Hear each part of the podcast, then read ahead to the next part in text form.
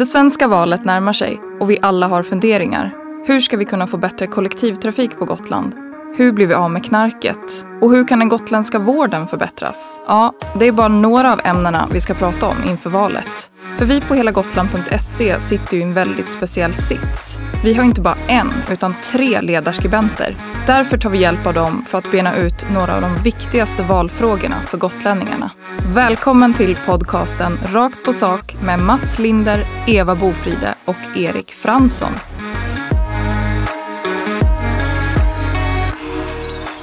Ja, men precis. De tre utgör ju alltså våra ledarskribenter på helagotland.se. Eva Bofride som skriver på oberoende centerpartistisk sida, Mats Linder som skriver för Oberoende Moderat och Erik Fransson, Oberoende Socialdemokratisk. Och jag, eh, jag heter fortfarande Cecilia Thomsson eh, och är den som eh, programleder de här eh, avsnitten.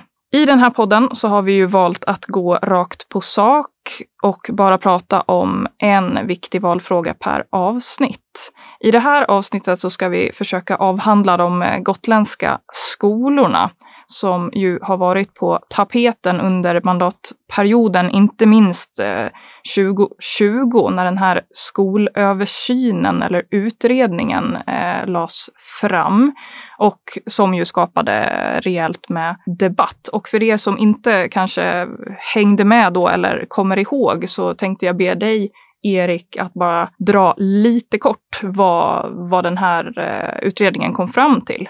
Jo, alltså utredningen kom ju fram till att för att få den bästa möjliga skolan på Gotland eh, utifrån de, de, krav på besparingar som också hade lagts i utredningsunderlagen Ehm, så behövde man centralisera delar av undervisningen. Man behövde skaffa, fixa större enheter och eh, kontentan på det blev att åtta stycken skolor på landsbygden skulle läggas ner och två stycken förskolor i Visby eh, skulle möta samma öde.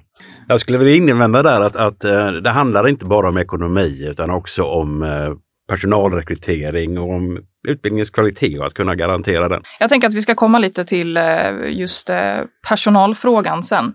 Men eh, när den här utredningen lades fram så landade ju Centerpartiet sen i att man inte ställde sig särskilt positiv till det här förslaget, eller hur Eva? Ja, så var det. Det var ju en majoritet av partierna som inte godtog det här förslaget. Och det beror ju på att det i utredningen, så precis som Mats säger, så utgick man från skolans eh, organisation och hur lärarna och rektorerna ansåg var den bästa organisationen för skolan på Gotland. Mm. När man sen tog in olika regionalpolitiska eh, perspektiv på det som man också har varit eh, överens om sedan länge, att det ska finnas ett inomregionalt stöd till eh, mindre skolor på landsbygden så hamnar man eh, i att nej, men det här skulle bli, det skulle bli allt för drastiskt att genomföra det här så att då, eh, då lades den eh, på hyllan. Och det här kan man ju tycka är konstigt att man all, det var ju så, vi hade en stor, likadan utredning för några år sedan och då landade man också efteråt i att diskutera den här utredningen och för och emot och vad ska man göra och vad ska man inte göra. Istället för att diskutera det här i efterhand så hade det ju varit bra att uh, man liksom började med att se på vilken, alltså ta in de här alla perspektiven från början. Eh, och Mats, Moderaterna var ju eh, ett parti här på Gotland som sa eh, ja till det här. Varför gjorde man det? Jag, jag tycker det är bara en vecka sedan tror jag vi kunde läsa i tidningen om, om hur um, man har problem med rekryteringen av lärare inför terminstarten som är omedelbart förestående i princip. Och att man på en enda skola, en liten skola, saknade fem lärare där tjänsterna ännu inte var besatta. Eh, och vi vet ju inte hur det här kommer att falla ut. Eh, men det är inget kvalitetstecken direkt när man någon vecka innan skolstart inte vet vem som ska undervisa. Nej, alltså att man eh, då eh, återigen gjorde en sån här utredning som man sen la på, på hyllan när vi som sagt eh, alla i det här rummet vet att det är svårt att rekrytera framförallt legitimerade lärare då och framförallt till landsbygdsskolorna. Hur, hur ska det här gå ihop om man inte lägger ner några skolor? Erik, vad, vad säger du om det? Alltså utredningen gav ju också en del svar på, på de kostnader som fanns Eh, för att behålla de här skolorna. Och det är ju där någonstans som, som man måste se över det hela nu.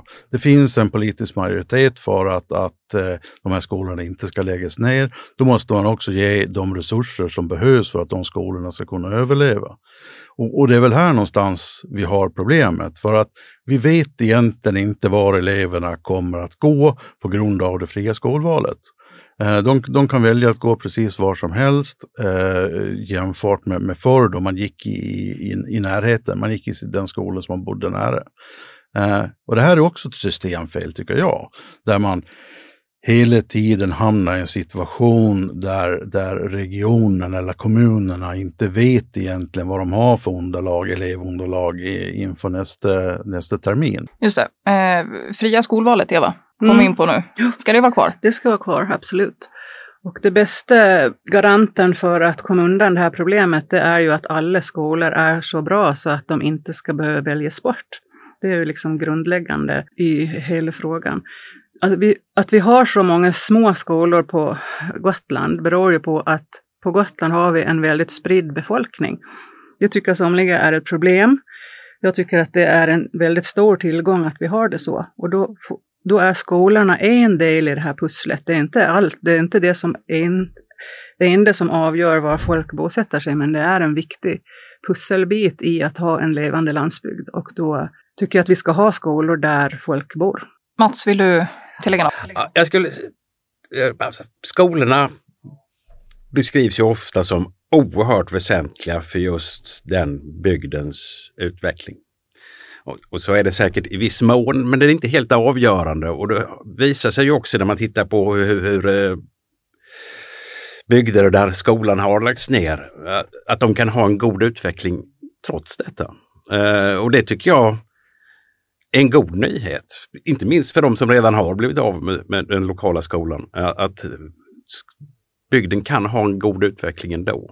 Håller du med om det Eva? Ja men det är klart, det är som jag sa att skolan är inte någon eh, sån här universallösning för att få folk till eh, landsbygden. Sen har vi ju Sen finns det ett fenomen med den här skoldebatten som man kan jämföra med när man pratar kollektivtrafik. Att det är fler som rasar när någonting ska dras ner än som utnyttjar det när det faktiskt finns. Så har man en skola där det, där det är tre familjer som har valt den skolan, då, då, har ju, alltså, då har man ju själv valt bort den skolan. Så är det ju. Alltså skolpengen är ju också ett problem med det här. För att i och med att den är lika oberoende på vad du har för skola och var den ligger. Så att en, en skola i ett, i ett välbefolkat område, till exempel inne i Visby, har ju större upptagningsområde och har därmed möjligheter att, att eh, ha en, en större lärarkår och, och göra det här bättre, precis som, som utredningen angav. Medan skolorna ute på landet, de har ju tyngre ekonomiska krav eh, på det sättet. Men det är samma skolpeng eh, till bägge skolorna. Och det, det, här är ju ett problem som man också måste komma, komma över.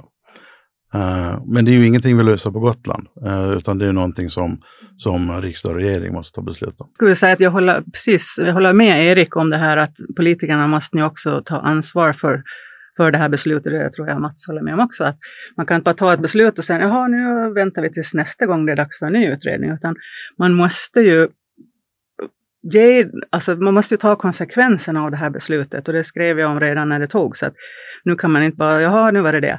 Utan man måste ju tillföra de här resurserna som behövs och ge långsiktighet för de här skolorna som återkommande hotas av nedläggning.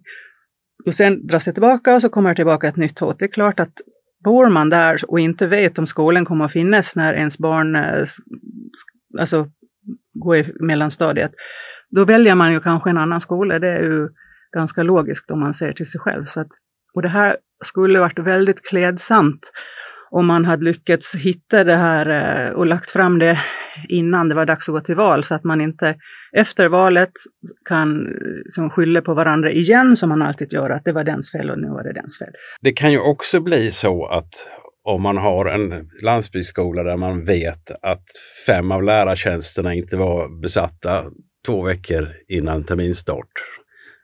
att man inte känner sig säker på kvaliteten och därför väljer en annan skola. Då sätter vi eh, punkt i eh, den diskussionen om skolan och eh, na, ja, skolor på landsbygden ska jag väl säga också. Vi kommer ju att fortsätta med den här valpodden rakt på sak ända fram till valet. Så känner du dig osäker på något inför 11 september, gå gärna in och lyssna på de här avsnitten i efterhand. Och de hittar du på helagotland.se under fliken poddar och program.